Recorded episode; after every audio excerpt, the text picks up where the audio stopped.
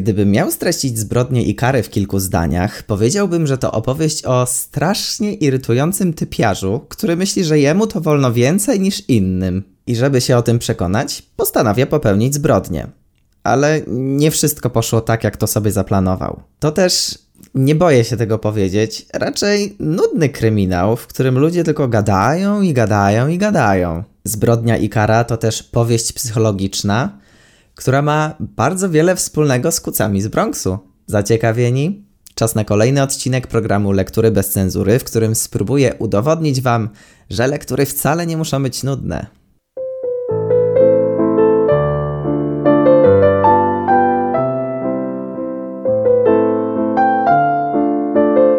Zanim zaczniemy i póki jeszcze mam trochę Waszej uwagi, dwa szybkie ogłoszenia. Jako, że zbliża się rok od pierwszego filmu na tym kanale, pomyślałem, że zrobimy sobie QA. Jeśli więc macie do mnie jakieś pytanie, albo ciekawi Was jakakolwiek kwestia dotycząca czy to lektur, czy mnie, czy czegokolwiek innego, możecie pisać swoje pytania w komentarzach pod tym filmem. Tak sobie myślę, że jak zadacie mi co najmniej ze trzy pytania, to będę mógł rozciągnąć film do 8 minut, żeby jeszcze reklamy włączyć. Po drugie, jeśli spodoba się Wam ten film, to pamiętajcie o subskrypcji, daniu łapki w górę i podesłaniu tego filmu swoim znajomym. Dzięki temu algorytm YouTube'a będzie mnie bardziej szanował, a tym samym uda mi się dotrzeć do większej liczby osób. QA jest, żebranie osoby jest, jeszcze tylko muszę się sprzedać i w końcu będę prawdziwym YouTuberem. Ale wracajmy do zbrodni i kary. Na początku muszę się wam do czegoś przyznać. Z czytaniem zbrodni i kary męczyłem się okrutnie. Z dwóch powodów. Po pierwsze, Rodion Romanowicz-Raskolnikow strasznie mnie irytował. Nie podobało mi się, jaki był wyniosły, wyrachowany, jak traktował swoich bliskich, jak nagle zmieniał swoje zdanie, o czym dokładniej powiemy sobie później. Tym samym miałem problem, żeby się z nim utożsamić i go polubić, a przez to zamiast przeżywać jego rozterki, myślałem sobie, no typie, jak masz ze sobą problem, to idź w końcu na policję. Po drugie, i chyba nawet ważniejsze, wymęczyło mnie ciągłe wczytywanie się w opowieści innych osób.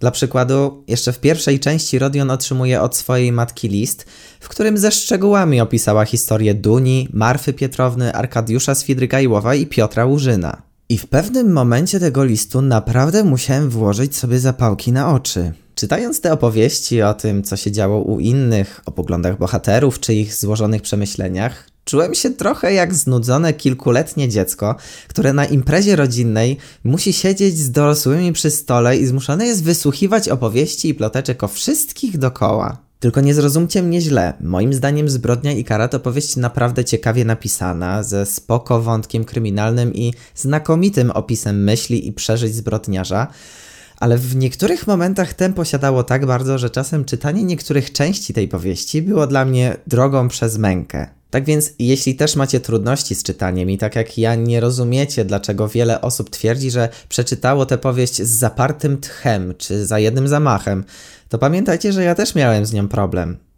I prawdopodobnie wiem, czemu tak jest, ale o tym powiem Wam na końcu tego filmu. Mam wrażenie, że Zbrodnie i Karę dałoby się podzielić na dwie odrębne powieści, bo moim zdaniem niektóre wątki średnio się ze sobą łączą i gdyby ich nie było, to by się nic nie stało. Dlatego też, żeby to uporządkować, prześledzimy wątki osobno, a zaczniemy od mocnego uderzenia, a dokładniej od uderzenia siekierą w głowę pewnej staruszki. Rodion Romanowicz-Raskolnikow był młodym, przystojnym i perspektywicznym chłopakiem, w którym matka i siostra pokładały ogromne nadzieje. Dostał się na studia, przeniósł do Petersburga i chodził po mieście krzycząc na cały regulator Jestem studentem prawa! Początkowo szło mu całkiem nieźle. Na studiach sobie radził, zarabiał na korepetycjach, dostawał od matki hajs i słoiki z żarciem. Z czasem jednak okazało się, że mieszkanie w stolicy to nie jest tani biznes. Korepetycje się skończyły, kasy zaczęło brakować i nie miał jak opłacić ani studiów, ani czynszu. W akcie desperacji Rodion postanowił skorzystać z rady swojego kolegi Pokoriewa i poszedł zastawić pierścionek swojej siostry Duni u lichwiarki, Alony Iwanowny. Postać około 60-letniej lichwiarki wywarła na nim ogromne wrażenie. Oczywiście negatywne. Spotkanie z lichwiarką tak zniesmaczyło Rodie, że przyszedł mu do głowy pewien niecny plan – a gdyby tak ją zlikwidować? Niesamowitym zbiegiem okoliczności jeszcze tego samego dnia podsłuchał w restauracji rozmowy dwóch typów właśnie o Alonie Iwanownie. Student próbował przekonywać młodego oficera, że genialnym pomysłem byłoby zamordowanie lichwiarki. Czemu? No bo tak logicznie patrząc. Jedna lichwiarka trzepie grubą kasę i właściwie nic z nią nie robi. Ten cały hajs gdzieś skitrała. Nie chce przepisać majątku na siostrę, więc po śmierci lichwiarki cały majątek pójdzie na jakiś klasztor. A co gdyby znalazł się taki rosyjski Robin Hood, kto by się pozbył złej lichwiarki, ukradł jej majątek i rozdał te pieniądze nędzarzom? Rachunek przecież wydaje się być prosty. Warto poświęcić jedną, nikomu niepotrzebną osobę, żeby uratować setki czy nawet tysiące osób. A gdyby tak zamienić lichwiarkę na Andrzeja Z pseudonim Słowik? Ciekawe co na tak postawioną sprawę powiedzieliby Marcin Najman czy burmistrz Wielunia. Myśl o zabójstwie długo kiełkowała w sercu Raskolnikowa. Rozmawiał o tym nawet ze swoją ówczesną narzeczoną, aż wreszcie 7 lipca 1865 roku postanowił przeprowadzić próbę generalną. Poszedł do staruszki do mieszkania w kamienicy na czwartym piętrze, by tym razem zastawić srebrny zegarek po ojcu. Wiadomo, potrzebował siana, żeby zapłacić za mieszkanie czy mieć na jedzenie, ale główny powód spotkania był inny. Musiał się dokładnie rozejrzeć po mieszkaniu i dowiedzieć się, gdzie lichwiarka trzyma swoje kosztowności. Choć próba generalna miała utwierdzić Raskolnikowa, że dobrze robi, to po wyjściu od staruszki nie czuł się najlepiej. Nie potrafił uwierzyć, że przyszła mu do głowy myśl o zabójstwie i w sumie trochę się nawet sobą brzydził. Od tamtego momentu chodził po mieście jak struty, próbując przekonać samego siebie, że to dobry plan. Tyle, że Rodia ewidentnie miał słabą głowę. I nie tylko dlatego, że miał kolosalne wątpliwości, ale też dlatego, że upił się jednym kieliszkiem wódki i zasnął gdzieś w krzaczorach. Wtedy to przyśniła mu się scena z dzieciństwa, gdy był świadkiem katowania starego kuca. Nie potrafił wtedy zrozumieć, jak ludzie mogli zabić bezbronne zwierzę. A przecież planował zrobić coś podobnego, najwyraźniej wbrew swoim prawdziwym przekonaniom. I kto wie, może ten sen odwiódłby go od zabójstwa, no ale pojawił się kolejny niesamowity zbieg okoliczności. Na placu siennym Rodion podsłuchał, że Lizawieta, czyli przyrodnia siostra lichwiarki, wyjdzie jutro z domu o godzinie siódmej, więc staruszka będzie tego dnia sama. Przepis na udane zabójstwo według Raskolnikowa był bardzo prosty. Przed jakąkolwiek robotą trzeba mieć dużo dobrego spanka. Rodion jednak za bardzo wziął to sobie do serca, bo gdy się w końcu obudził, była już godzina siódma, tak więc musiał szybko działać, żeby nie było przypału. Przyszył sobie pętlę wewnątrz płaszcza, by niepostrzeżenie przemycić siekierę. Przygotował też fejkową papierośnicę i owinął ją dokładnie szmatami i czerwoną wstążeczką. Jak dotąd wszystko szło po jego myśli. Teraz wystarczyło tylko pożyczyć siekierę z kuchni Anastazji – no tylko, że nie, bo Rodian nie przewidział, że Anastazja będzie w domu. Już chciał odpuścić, ale kątem oka dostrzegł siekierę w pustej stróżówce. Plan więc nadal pozostawał w mocy. Idąc na miejsce przyszłej zbrodni, myślał w sumie o głupotach. Zastanawiał się, co można zrobić, by ludziom w Petersburgu żyło się lepiej. A w międzyczasie wsiadł na emocjonalny roller coaster i raz bardzo pragnął zabójstwa, a raz w ogóle nie. Raz przekonywał samego siebie, że to bez sensu, a raz, że tak będzie lepiej. Dla osób mijających go na ulicy musiał wyglądać tak, jakby wybierał się na bal do królowej kucy. Miał na sobie łachmany, bo był biedny jak wszyscy w tym kraju. A do tego miał znoszone buty i stary, powycierany i zgnieciony z jednej strony kapelusz. Kiedyś powiedzieliby o nim, że jest obdartusem, Dziś z pewnością nazwaliby go hipsterem. Nie zmienia to jednak faktu, że jego strój wyróżniał się nawet w porównaniu do żebraków z wieloletnim doświadczeniem. Przeszło mu nawet przez myśl, żeby przed zabójstwem zmienić swój imidż, choćby kupić sobie kaszkiet. No ale nie mógł, bo miał spanko. Raskolnikow dotarł na miejsce już po 7.30. Lichwiarka długo nie otwierała drzwi. Potem patrzyła na niego nieufnym wzrokiem.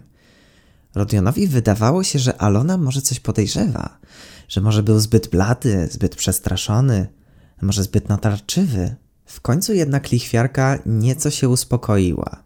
Chciała obejrzeć, co chłopak przyniósł pod zastaw, dlatego odwróciła się w stronę okna i próbowała rozsupłać zawiniątko. A wtedy Rodion wyciągnął siekierę, zamachnął się prawie bez wysiłku przygrzmocił obuchem w głowę lichwiarki i zabił ją na miejscu. Poszło znacznie łatwiej niż się spodziewał. Nie myśląc wiele, przeszedł do drugiej części planu. Najpierw próbował uporać się z szufladą w komodzie, ale coś podpowiedziało mu, żeby zajrzeć pod łóżko. Wyciągnął spod niego kufer, w którym znalazł bransoletki, łańcuszki, kolczyki i inne bibeloty. Zaczął wypychać sobie nimi kieszenie, gdy nagle usłyszał jakieś dziwne dźwięki z sąsiedniego pokoju. Okazało się, że Rodion przez zbyt długie spanko był w niedoczasie i zanim zdążył porządnie przeszukać sypialnię, do mieszkania wróciła Lizawieta, przyrodnia siostra Alony. Raskolnikow, niewiele myśląc, rzucił się na nią i sprawnym uderzeniem siekiery rozpłatał jej czaszkę, zanim dziewczyna zdołała cokolwiek powiedzieć. Co ciekawe, niespodziewany, dodatkowy trup nie wywołał w Rodionie zbyt wielkich emocji. Na chłodno umył siekierę i ręce, sprawdził ubranie, wytarł buty.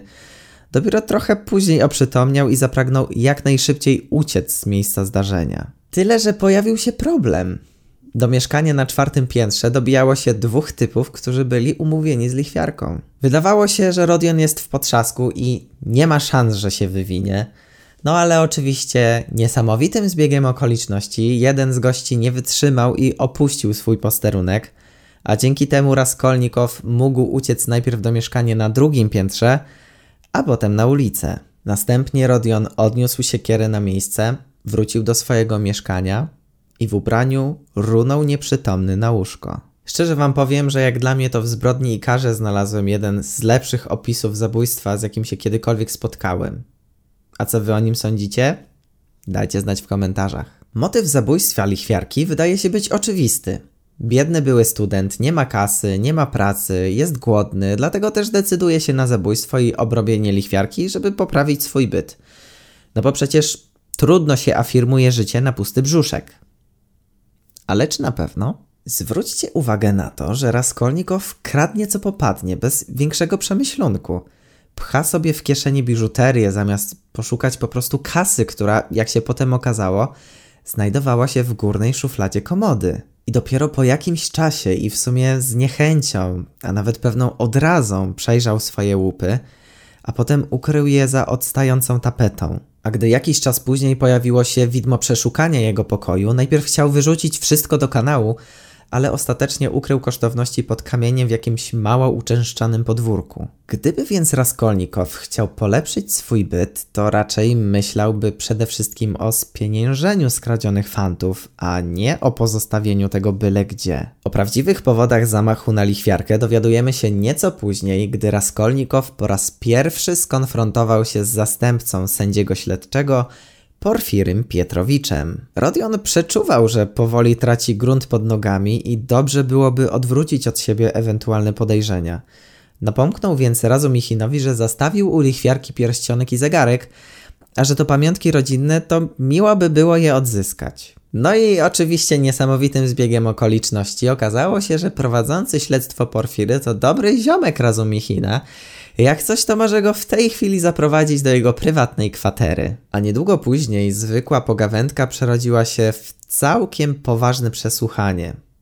Czemu? Dzień wcześniej u Razumichina odbyła się impreza, podczas której rozprawiano sobie o zbrodniach. Wiecie, taki idealny temat do chillowania przy wódeczce.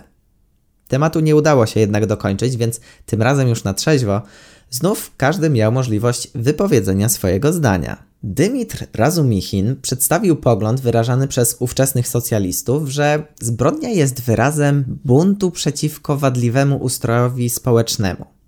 Gdyby każda dziedzina życia społecznego była uporządkowana, moralna i z góry narzucana przez władzę, to by nikt zbrodni nie popełniał, no bo i po co? Z takimi poglądami Razumichin bez problemu znalazłby robotę w obecnym polskim rządzie. Wiceministrem byłby na pewno, a może nawet ministrem, premierem czy też prezesem. Wszyscy mieli jednak gdzieś socjalistyczne zapędy Razumichina, bo Porfiry był niezdrowo zainteresowany poglądami Raskolnikowa. Okazało się bowiem, że niezwykłym zbiegiem okoliczności prowadzący śledztwo przypadkiem natrafił na artykuł zatytułowany o zbrodni autorstwa właśnie Rodiona Romanowicza Raskolnikowa. Główny bohater zbrodni i kary w swoim artykule podzielił ludzi na dwie grupy. Na ludzi zwykłych i niezwykłych. Ci pierwsi stanowią zdecydowaną większość społeczeństwa. Zdaniem Raskolnikowa to klasa niższa, której głównym zadaniem jest po prostu praca i reprodukcja. Nie mają wielkich ambicji, nie odgrywają wielkiej roli, żyją w stabilnej przeciętności aż do śmierci. Z kolei drugą grupę stanowią ludzie niezwykli, żyjący i działający dla większych idei. Raskolnikow miał tu na myśli wybitne jednostki, które zapisały się złotymi zgłoskami na kartach historii, jak choćby Napoleon czy starożytni władcy, gotowi przelać krew dla osiągnięcia własnych celów. Co ciekawe, Rodion uważa, że ci nadludzie mają moralne prawo do przekraczania prawa. Posłużył się tu przykładem Keplera i Newtona. Jeśli ich wielkie odkrycia naukowe wymagałyby poświęcenia życia dziesiątek czy nawet setek osób, to naukowcy nie powinni się nawet zastanawiać, bo wręcz mają obowiązek ich poświęcić, jeśli to przysłuży się całemu światu. Innymi słowy, wielcy tego świata, geniusze czy wybitne jednostki, które pojawiają się na świecie raz na wiele milionów urodzeń, mogą decydować o życiu bądź śmierci innych osób, jeśli zbrodnia ta podyktowana jest chęcią dokonania przełomu czy zmiany globalnego porządku.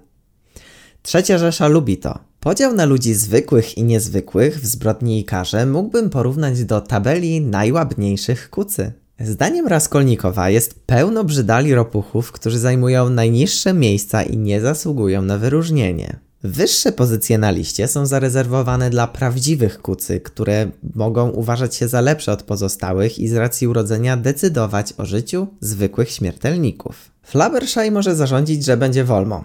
Ramdombasz, że będzie szybko, a Bimkigai może przywrócić powszechny dostęp do ostrej amunicji.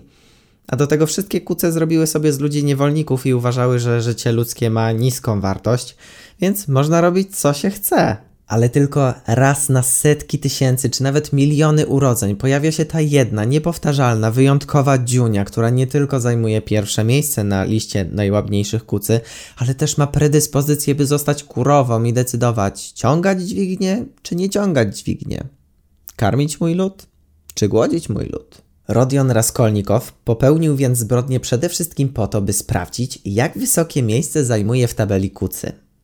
To znaczy, czy powinien zaliczać siebie do grupy zwyklaków, czy jednak bliżej mu do takich postaci jak Napoleon, Juliusz Cezar czy Dziunia. Początkowo sam siebie zaliczał do ludzi niezwykłych, którzy mają większe prawa niż pozostali. Z tego też powodu, gdy został wywalony ze studiów, gdy zmarła jego pierwsza narzeczona, gdy nędza zaczęła mu zaglądać w oczy, nie zamierzał być jak na przykład Razumichin, który może i miał łeb do interesów i potrafił na szybko sobie ogarnąć całkiem dobrą pracę, ale poza tym był zupełnie przeciętny. Raskolnikow uznał, że jego ówczesne położenie to idealny moment, by się przetestować.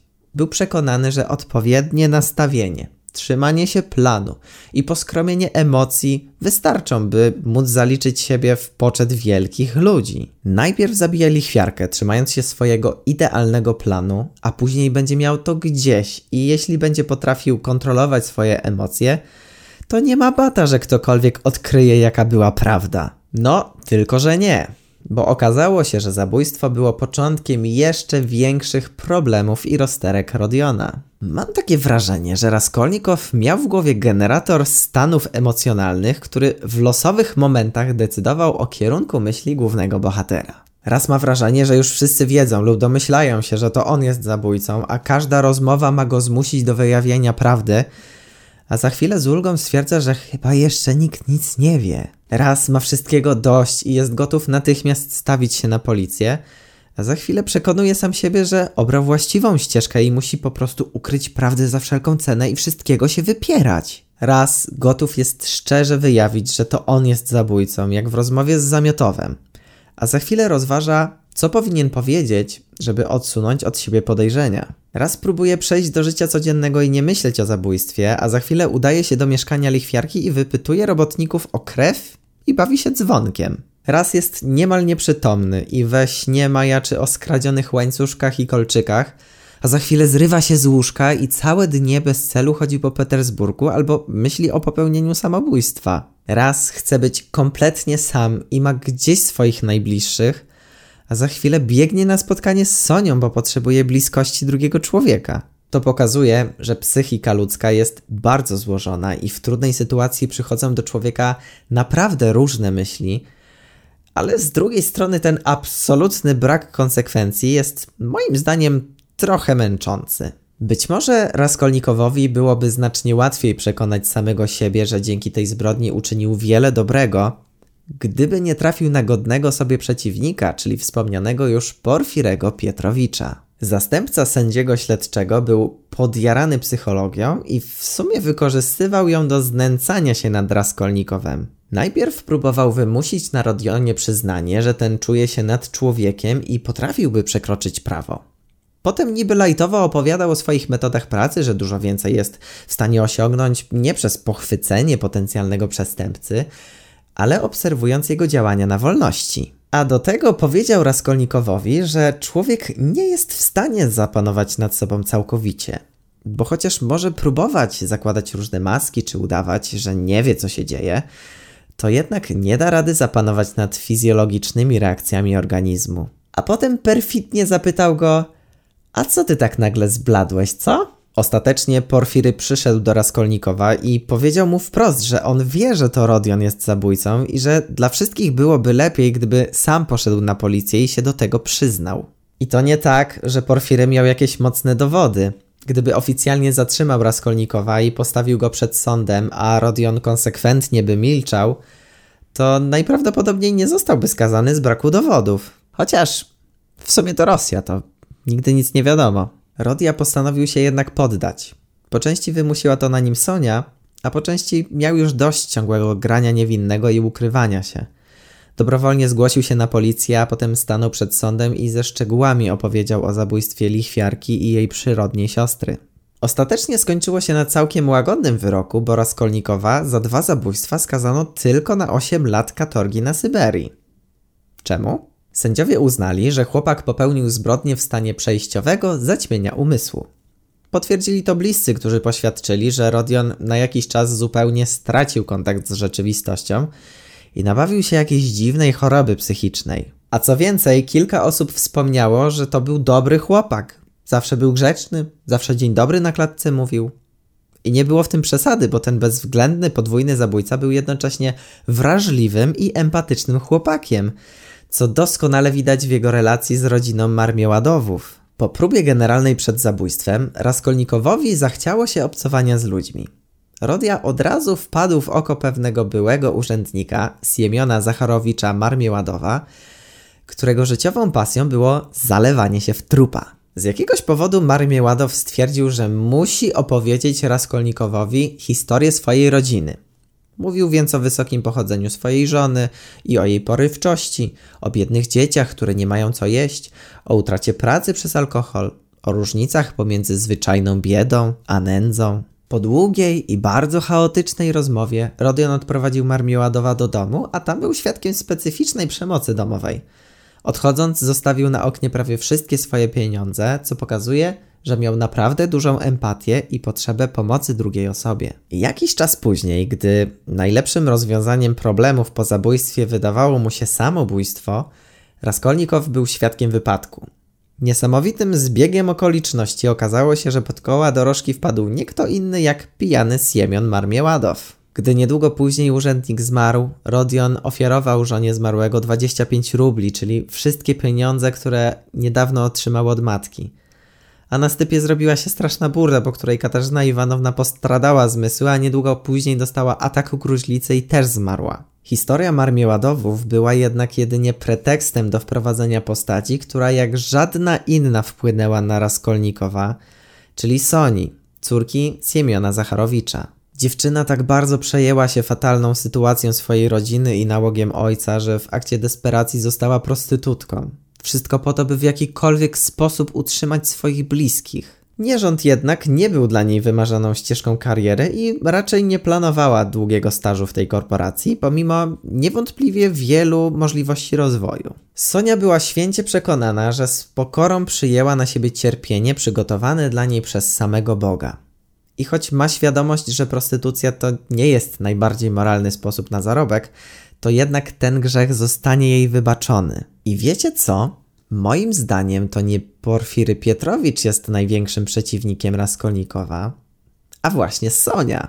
Bo zobaczcie, Rodion jest niewierzącym indywidualistą, który uważa, że na świecie są osoby, którym wolno więcej, które nie muszą przejmować się zakazami, czy to prawnymi, czy moralnymi. Podejście Soni jest zupełnie inne.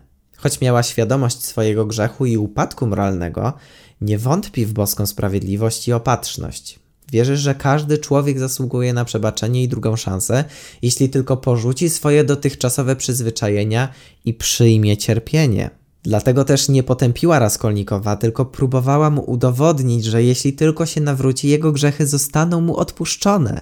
Sam Rodion nie bardzo wiedział, jak ma się do Soni odnosić. Z jednej strony nie rozumiał jej bezgranicznego zawierzenia siebie Bogu, ale z drugiej strony poszukiwał wyjścia ze swojej sytuacji i nawet poprosił ją o przeczytanie tekstu o wskrzeszeniu Łazarza. Z jednej strony cały czas podtrzymywał, że jego czyn był jak najbardziej rozsądny, no bo zabił jedynie wesz, która i tak nie zasługiwała na życie, ale z drugiej strony uważał, że tak naprawdę zabił sam siebie i swoje przekonania. Dziwił się, że Sonia nie odwróciła się od niego, a wręcz przeciwnie, współczuła mu. Nazywała najbardziej nieszczęśliwym człowiekiem na ziemi i przysięgała, że nigdy go nie opuści. Zdaniem wielu badaczy, konflikt pomiędzy Sonią i Raskolnikowem to tak naprawdę konfrontacja pomiędzy szlachetną tradycją prawosławną i zgniłą, nihilistyczną ideologią Zachodu. Od wielu lat niewiele się w tej Rosji zmieniło, co nie? Dostojewski ewidentnie stał po stronie chrześcijaństwa, co widać w naprawdę wielu miejscach w powieści. Postać Soni nawiązuje do prawosławnej ikony Sofii Mądrości Bożej,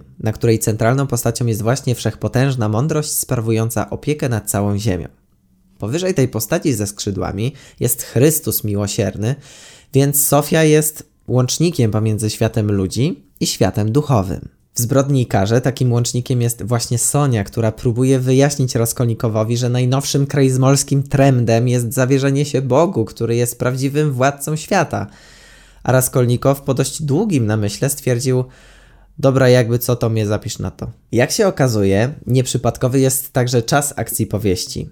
8 lipca, czyli w przeddzień zabójstwa, prawosławni obchodzą święto ikony Matki Bożej Kazańskiej. A musicie wiedzieć, że ikona ta jest na wschodzie tak kultowa, jak dla Polaków Matka Boska Częstochowska. Ikona Matki Bożej Kazańskiej jest symbolem zwycięstwa. Pojawiała się przy okazji bitew i wojen wygrywanych przez Rosjan. Tym samym już na samym początku dostaliśmy spory spoiler, bo od początku było wiadomo, że sprawa zabójstwa zakończy się wygrankiem dobra nad złem. I tak też się stało. Raskolnikow poszedł na policję 20 lipca, czyli w święto ikony proroka Eliasza. Jak być może wiecie, Eliasz był w Biblii jednym z głównych proroków zapowiadających przyjście Chrystusa i zbawienie wszystkich grzeszników. A co ciekawe, Rodion wyznał swoją winę Ili Pietrowiczowi, a imię Ilia pochodzi od imienia Eliasz. Wątki religijne przejawiają się jednak przede wszystkim w relacji pomiędzy Sonią i Raskolnikowem. Oboje są grzesznikami. Oboje nie mogą być postrzegani jako osoby moralne, ale każdy z nich prezentuje zupełnie inną postawę. Chłopak był totalnie chaotyczny i wnerwiał się, że jego racjonalna postawa nie ma odzwierciedlenia w rzeczywistości, bo nie potrafił uciec od wyrzutów sumienia. Dziewczyna zaś była stateczna i absolutnie pewna, że Bóg jest najwyższą i najpewniejszą wartością, a do tego każdy ma prawo do zbawienia. Symboliczne znaczenie ma fragment Ewangelii opowiadający o wskrzeszeniu Łazarza.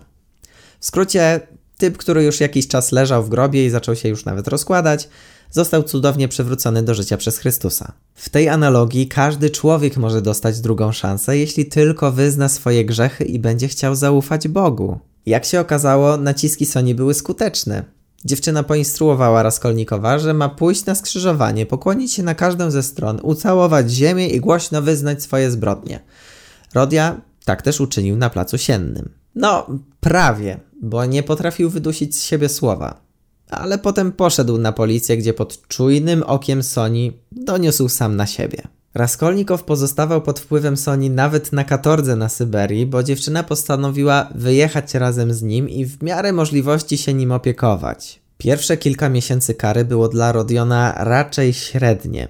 Nikt go tam nie lubił. Do nikogo się nie odzywał, nawet wobec Soni był oschły i nieprzystępny. Miał do siebie pretensje, że się złamał, że nie potrafił przezwyciężyć swojego strachu i został sześćdziesiątą we własnej sprawie. Jednak któregoś dnia, gdy Sonia go odwiedziła, w Rodi nagle coś pękło.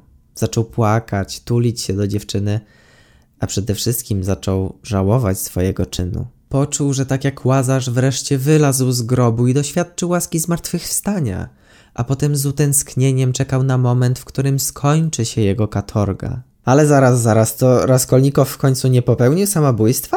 Ano nie. Raskolnikow do końca żył i miał się coraz lepiej. Skąd więc mit, że ze sobą skończył? Jak udało mi się ustalić, Dostojewski napisał trzy różne zakończenia zbrodni i kary, z czego w jednym z nich Rodion faktycznie strzela samobuja. Ostatecznie jednak autor uznał, że takie rozwiązanie akcji byłoby nie po chrześcijańsku, dlatego też Raskolnikow na końcu przyjmuje poglądy Sony. Zobaczcie, tyle czasu gadaliśmy o wątku kryminalnym i powiązanym z nim wątku religijnym, a tak naprawdę poruszyliśmy tylko połowę zbrodni i kary. Pozostałą część stanowią m.in. rozważania społeczne i filozoficzne, o których może w przyszłości nagram jakiś osobny film, o ile będzie Was to w ogóle interesować. Do tego mamy jeszcze moim zdaniem zupełnie niepotrzebny wątek matki i siostry Rodiona. Jego skutkiem było pojawienie się w Petersburgu karierowicza Łużyna, co skończyło się najpierw zerwaniem zaręczyn, a potem nieudolną prowokacją na stypie Marmieładowa oraz wprowadzenie Arkadiusza Swidrygajłowa, który miał naprawdę wiele wspólnych cech z Rodionem. Jak to? Jak być może pamiętacie, Raskolnikow dzielił ludzi na zwyklaków i elitkę. Osoby z tej drugiej grupy powinny mieć władzę nad podludźmi i bez skrupułów wykorzystywać ich do swoich celów. I jak się okazuje, taki właśnie był Swidrygajłow. Wiemy, że miał trafić do więzienia za długi, ale wykupiła go Marfa Pietrowna. Wiemy, że zupełnie nie dbał o pieniądze i że nie stronił od hazardu. Wiemy też, że próbował dobierać się do Duni, gdy u niego pracowała, jednak ta potrafiła mu się postawić. Dowiadujemy się także, że pewna głuchoniema 15-letnia dziewczynka popełniła samobójstwo prawdopodobnie po tym, jak została zgwałcona przez Swidrygajłowa. Niewykluczone także, że typ maczał palce przy niejasnej śmierci swojej żony – a być może tych zbrodni było jeszcze więcej. Na dodatek jesteśmy świadkami, jak Swidrygajłow podstępnie zaciągnął Dunię do swojego mieszkania i niechybnie planował zrobić jej coś złego. Choć na szczęście ostatecznie do niczego nie doszło. Wszystko wskazuje więc na to, że Swidrygajłow powinien być idolem Raskolnikowa. Nie miał skrupułów, potrafił przekroczyć ustalone normy prawne i moralne, a do tego dokonywał zbrodni niemal perfekcyjnych, bo ani nigdy nie udowodniono jego udziału, ani sam nigdy się nie przyznał. Przecież Raskolnikow marzył dokładnie o tym samym. A jednak Rodion patrzy na Swidrygajłowa z pogardą. Być może dlatego, że jedną z ofiar mogła zostać jego siostra, a być może dlatego, że Raskolnikow ma w sobie jeszcze pokłady wrażliwości i emocji, których nie potrafił zagłuszyć. Ostatecznie Swidrygajłow po serii koszmarów podejmuje decyzję o zastrzeleniu się w miejscu publicznym, co być może spotkałoby także samego Raskolnikowa, gdyby nie miał przy sobie bliskich, czyli osób, które w sumie doprowadziły do tego, że po zbrodni przyszła zasłużona kara. Ale czy na pewno? Jak się okazuje, polski tytuł Zbrodnia i kara jest błędny. No, może nie tyle błędny, co nie jest do końca precyzyjny. Oryginalny tytuł powieści to Priestuplienie i nakazanie. W języku rosyjskim oba słowa mają więcej niż jedno znaczenie. Priestuplienie można przetłumaczyć jako przekroczenie prawa, ale nie tylko w sensie prawnym, lecz także etycznym, Wyrażenia tego używa się do działań kryminalnych, ale też do czynów wątpliwych moralnie czy łamiących ustalone normy społeczne. W tym kontekście właściwie nie ma znaczenia, czy Raskolnikow popełniłby zabójstwo, czy na przykład dopuścił się gwałtu. Wciąż używalibyśmy słowa priestuplienie, choć wówczas nie mówilibyśmy o zbrodni. Z kolei rosyjskie słowo nakazanie można przetłumaczyć nie tylko jako kara, ale także jako nauczka, przestroga czy lekcja. Gdybyśmy więc chcieli bardziej precyzyjnie przetłumaczyć tytuł, to powieść Dostojewskiego powinna się nazywać Konsekwencje i nauki wynikające z przekroczenia norm prawnych i moralnych. Nie no, wiem, nie jest to tak chwytliwa nazwa jak zbrodnia i kara, a do tego trochę brzmi jak tytuł pracy magisterskiej, także może obecny tytuł nie jest aż taki zły. Zły i zepsuty do szpiku kości był za to jeszcze jeden bohater, który mocno wpłynął na działania Raskolnikowa. Mam tu na myśli Petersburg, który miałby bardzo duże szanse w plebiscycie o tytuł najbardziej depresyjnego miasta na świecie. W 1865 roku stolica Rosji miała około 540 tysięcy mieszkańców. No i nie oszukujmy się, tylko niewielki procent z nich mógł pozwolić sobie na wystawne życie i luksusowe warunki mieszkaniowe. Zdecydowaną większość społeczeństwa stanowili zwykli robotnicy, studenci czy nędzarze, którzy ledwo wiązali koniec z końcem lub zadłużali się na potęgę. To oni mieszkali w dzielnicach biedoty, gdzie panowały smród, brud i ubóstwo. Wiele osób mieszkało w starych, sypiących się kamienicach, zajmowali małe pomieszczenia przypominające szafy czy trumny, albo gnieździli się w przechodnich pokojach, gdzie o prywatność było niezwykle trudno. W plątaninie ulic odchodzących od placu siennego można było natknąć się na prostytutki, rzezimieszków, żebraków, handlarzy, a przede wszystkim na pijaków wychodzących z niezbyt wystawnych restauracyjek, barów czy pubów. Swidrygajłow nazwał Petersburg miastem półwariatów i trzeba przyznać, że całkiem dobrze to określił, bo przykładów wcale nie trzeba szukać daleko. Stara lichwiarka znęcała się fizycznie i psychicznie nad Lizawietą. Marmieladow był totalnie uzależniony od alkoholu i okradał własną żonę. Zresztą sama Katarzyna Iwanowna też postradała zmysły. A gdy Rodion stał na moście i rozważał, czy by nie skończyć ze sobą, tuż obok niego pojawiła się jakaś dziewczyna, która bez większego namysłu wzięła i skoczyła z mostu do rzeki. Nic więc dziwnego, że w głowie Rodiona pojawił się plan zabicia lichwiarki. Co chwilę spotykał się z różnymi patologiami, co niewątpliwie zachęcało do zachowań destruktywnych i wpływało na tego, jakby nie patrzeć, wrażliwego chłopaka. I choć Petersburg nie był najbardziej przyjaznym miastem na świecie, to musicie wiedzieć, że parę lat wcześniej było jeszcze gorzej. Do 1855 roku krajem rządził car Mikołaj I, jednak Rosja za jego czasów przypominała trochę współczesną Koreę Północną. Nie dość, że państwo było straszliwie zacofane gospodarczo, a najlepszym sposobem na załatwienie swoich spraw było danie w łapę, to jeszcze system opierał się na szerokim katalogu represji, więc często organizowano imprezy o nazwie Publiczna egzekucja wrogów reżimu. Sporo jednak zmieniło się za czasów kolejnego cara, czyli Aleksandra II. Jedną z jego najważniejszych reform była naprawa wymiaru sprawiedliwości, która między innymi wprowadzała niezawisłych sędziów, obrońców czy świadków. Dlatego też Raskolnikow otrzymał dość łagodny wymiar kary, bo pojawiło się całkiem sporo okoliczności łagodzących. Powieść Dostojewskiego jest więc niby przy okazji pochwałą dla ówczesnego cara i jego popleczników, że jest w porządku, jest dobrze, dobrze robią, dobrze wszystko. Jest w porządku. Jest git. Choć trzeba przyznać, że parę lat wcześniej Dostojewski miał zupełnie inne zdanie o caracie. W roku 1849 Dostojewski został aresztowany za bycie lewakiem. Prawie 30-letni pisarz był wtedy członkiem socjalistycznego koła Pietra Szewców, którzy zdaniem ówczesnej władzy byli poważnym zagrożeniem. No co, no Rosja, nie? Po długim śledztwie cała grupa została skazana na śmierć i stanęła przed plutonem egzekucyjnym. Dostojewski był w drugiej trójce skazańców. Pierwsza trójka, zgodnie z planem, została rozstrzelana. Przyszła kolejna drugą. Dostojewski stanął pod ścianą i powoli zaczął żegnać się z życiem. I w tym właśnie momencie przyszło zarządzenie od cara, że kara śmierci została zamieniona w czteroletnią katorgę. Na Syberii Dostojewski nie tylko totalnie zmienił swoje poglądy i wręcz stał się carofilem, ale miał także okazję rozmawiać z różnymi przestępcami, poznać ich motywacje, sposób myślenia i emocje, które im towarzyszyły przy zbrodniczym procederze. Nic więc dziwnego, że Dostojewski, jako że był poważnie zajarany psychologią, wykorzystał swoje syberyjskie doświadczenia, konstruując postać Raskolnikowa. Na koniec muszę Wam powiedzieć, że po lekturze Zbrodni i Kary jestem trochę rozczarowany. Słyszałem wiele ciepłych słów o tej powieści, ale mi jakoś nieszczególnie spasowała. Byłem nastawiony na wciągający kryminał, który nie daje wytchnienia i trzyma w napięciu do samego końca, a tymczasem w wielu momentach byłem po prostu znudzony. Ale wiem, że to wyłącznie moja wina.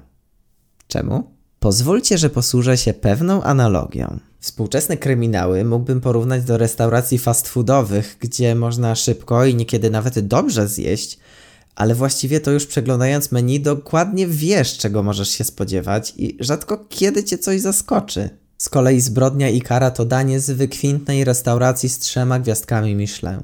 Wiele się można po niej spodziewać. Wszystkie dania są pięknie podane, ale dla osoby nieobeznanej z tajnikami kuchni niektóre połączenia smaków mogą być zbyt zaskakujące, czy nawet niezrozumiałe, a przez to doświadczenie kulinarne może być znacznie uboższe. I mam wrażenie, że przez moje złe nastawienie lub wygórowane oczekiwania nie doświadczyłem tego kulinarnego uniesienia w restauracji u Dostojewskiego. Ale bardzo możliwe, że jeśli wrócę do niej kilka lat starszy i bogatszy o nowe doświadczenia, będę umiał docenić te niezwykłe połączenia smaków. Dajcie znać w komentarzach, jaki jest Wasz stosunek do kryminałów. Czy wolicie kryminalne fast foody, czy jednak złożone dania z drogich restauracji? A potem sięgnijcie po zbrodnię i karę.